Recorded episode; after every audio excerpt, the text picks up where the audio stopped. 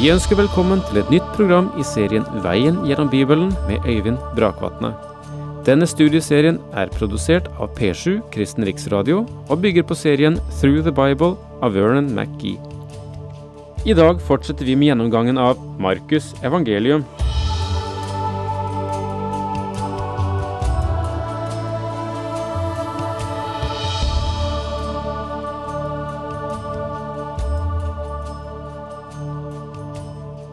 Så er vi tilbake igjen til en ny samling omkring Guds ord.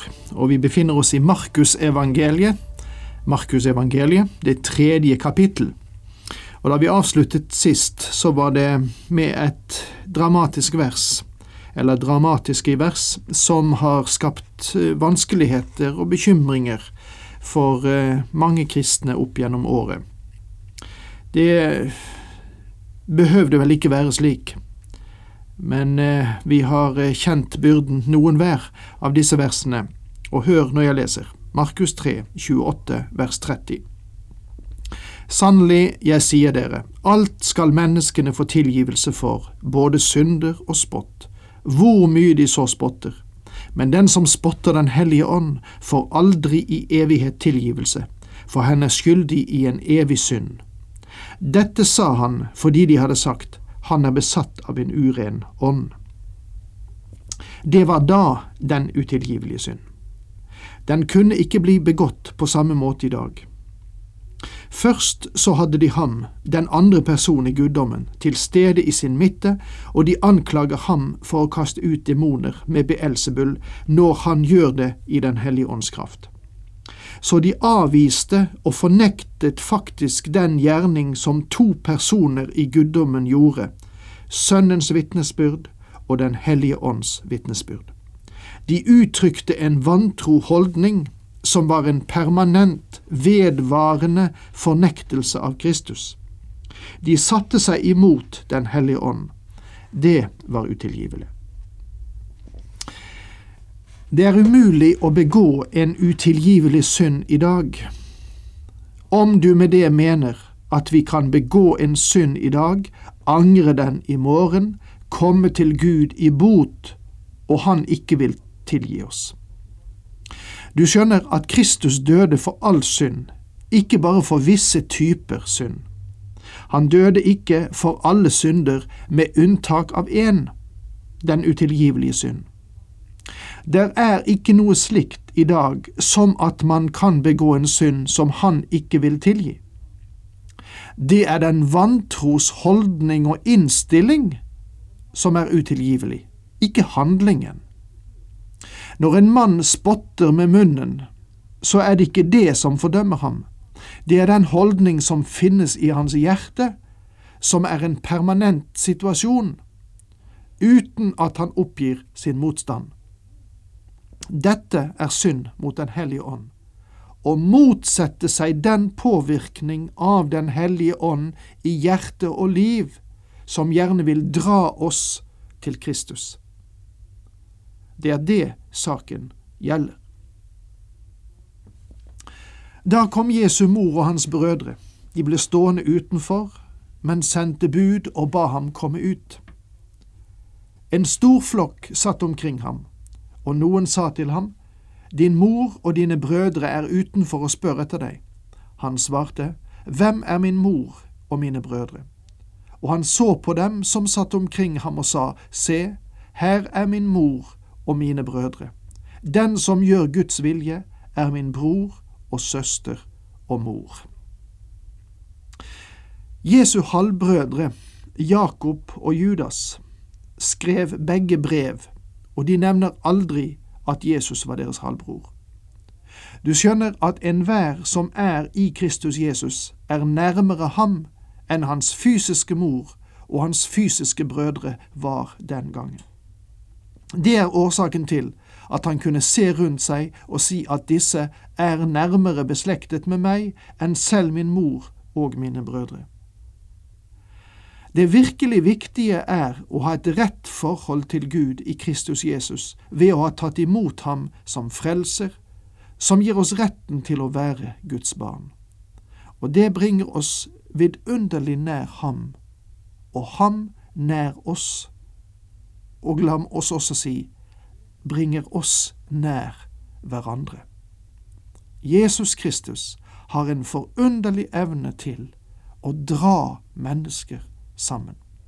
Ja, slik er det, mine venner, og jeg håper at denne Jesu kjærlighet og forsonende nåde skal bringe oss også sammen, så at vi tåler hverandre som troende og ønsker vel for hverandre hvor vi enn nå måtte arbeide. Ja, dermed så setter vi strek for Markusevangeliets Markus evangeliets tredje kapittel, og vi skynder oss å gå over til det fjerde kapittel. Her møter vi lignelsen om såmannen. Vi møter eh, også den om lyset og karet, om såkornet, om sennepsfrø, og til sist møter vi igjen Jesus som stiller stormen. I dette kapitlet finner vi flere lignelser, og så underet med å stille stormen. Alt dette har vi møtt hos Matteus, med unntak av én bestemt lignelse som gjengis her, og som Matteus ikke har. Og det er det eneste som særmerker denne samling lignelser i relasjon til Matteus evangeliet, noe vi snart skal se. Først finner vi lignelsen om såmannen som forkynnelse, og så har vi utleggelsen av den samme lignelsen. Dette følges så av andre lignelser, og deretter et under. Vi sa i åpningen av Markusevangeliet at dette er handlingens evangelium, og likevel ligger vektene her på lignelser, mens det bare finnes én undergjerning. Men du vil snart legge merke til de lignelsene som Markus gjengir, har handlingen i seg. Trykket ligger fremdeles på handling, selv når Markus presenterer disse lignelsene. Han begynte igjen å lære folket nede ved sjøen. Det samlet seg en veldig folkemengde omkring ham. Derfor måtte han gå ut i en båt og sitte i den ute på sjøen, mens mengden sto inne på stranden. Matteus understreker den innledningen svært sterkt, kanskje fordi disse lignelsene danner opptakten til konfrontasjonen med fariseerne og de skriftlærde, noe som senere førte til at Jesus vendte seg fra sitt folk i denne omgang og gikk til hedningene og verden i stort. Det er faktisk bakgrunnen for disse lignelsene, og vi trenger å se på dem i lyset av dette verdensvide perspektiv. Jeg tror at det er viktig å ha det med i vurderingen. Dette fant sted mens Jesu tjeneste var på høyden. Han var travelt opptatt, var sterkt presset og fysisk utslitt. Faktisk var han så trett, noe vi skal se i dette kapitlet, at han faktisk sovnet i båten på Galileasjøen. Han sov fordi han var sliten. Han underviste dem lenge ved hjelp av lignelser og lærte dem. Jesus gjorde bruk av lignelser som en måte å lære mennesker mange ting på. Her er han kommet halvveis i sin treårige tjeneste. Han har brukt en rekke symbolske illustrasjoner før, som for eksempel å fortelle kvinnen ved brønnen om livets vann. Han har sagt til sine disipler at han vil gjøre dem til menneskefiskere, og at markene var hvite til høst. Han har også talt om salt og lys, og huset bygget på klippen og på sand i bergprekenen. Men dette er ikke lignelser. Nå går han et skritt videre i sin undervisning og forteller lignelser, blant annet lignelsen om såmannen. Hør, sa han. En mann gikk ut for å så, og da han sådde, falt noe ved veien, og fuglene kom og tok det. Noe falt på steingrunn hvor det var lite jord, og det skjøt snart opp fordi jordlaget var tynt. Men da solen steg, ble det avsvidd og visnet fordi det ikke hadde fått slå rot. Noe falt blant tornebusker, og tornebuskene vokste opp og kvalte det, så det ikke bar frukt. Her er nevnt tre områder der såkornet falt, og de representerer den ufrelste som ikke tar imot evangeliet. De aksepterer ikke Guds ord. Deres liv er lik en veiskråning der fuglene napper til seg såkornet. Djevelen tar bort ordet.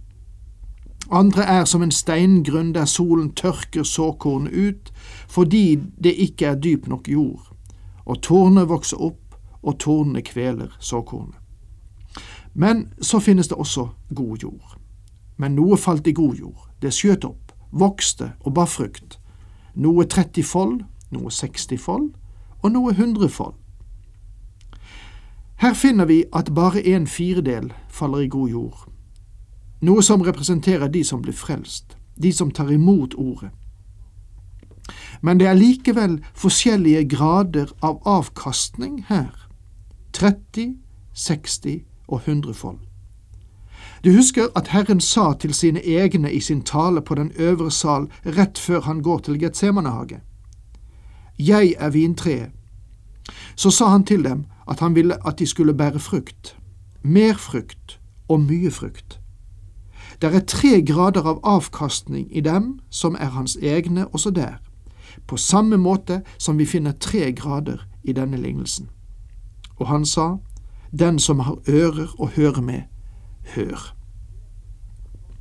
Han setter opp et faresignal. Det er som et stopp, se, lytt. Sånt signal som du kan møte ved en jernbaneovergang, for eksempel. Og likevel synes det helt klart at noen ikke skjønte det, for det står i de neste versene slik. Da han var blitt alene med de tolv og de andre som var med ham, spurte de ham om lignelsene. Han svarte, Til dere er hemmeligheten om Guds rike gitt, men til dem som er utenfor, blir alt sagt i lignelser, for at de skal se og se, men ikke skjelne, høre og høre, men ikke forstå, slik at de kunne vende om og få tilgivelse. Det er åpenbart noen som ikke forsto lignelsen i det hele tatt. Når de spør om dette, svarer han med disse versene, som har en viss grad av tvetydighet. La meg få gi en forklaring som kan være til hjelp. Årsaken til at Jesus grep til lignelser fra dette punkt i sin tjeneste til slutten av den, er fengslende. Hans fiender fornektet hans undervisning, og de store massene var svært likegyldige til åndelige sannheter. De var svært interessert i hans undergjerninger, men ikke i den åndelige tillempning. Han griper nå til bruk av lignelser for å sikre seg deres interesse. Den fiendtlige holdning hans fiender viste, og den sløvhet, likegyldighet og manglende interesse folkemassene viste, nødvendiggjorde en endring av form til bruk av lignelser, slik at de som hungret og tørstet etter rettferdighet, kunne bli mettet, og de som ønsket åndelig sannhet, kunne få sine øyne åpnet. Vi finner den samme tanke i første Korintiabrev, der Paulus skriver fra vers 9. Men det står skrevet, det intet øye så, og intet øre hørte, det som ikke kom opp i noe menneskes tanke, alt det Gud har gjort ferdig for dem som elsker ham. Dette har Gud åpenbart for oss ved sin ånd, for ånden utforsker alle ting, også dybdene i Gud. Og der må vi faktisk sette strek. Vår tid er ute. Herren med deg.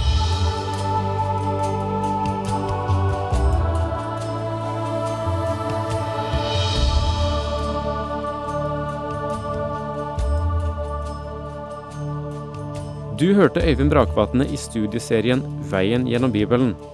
Serien bygger på et manus av Vern McGee. Har du spørsmål eller kommentarer til programmet, kan du sende en e-post til vgb krøllalfa p7.no.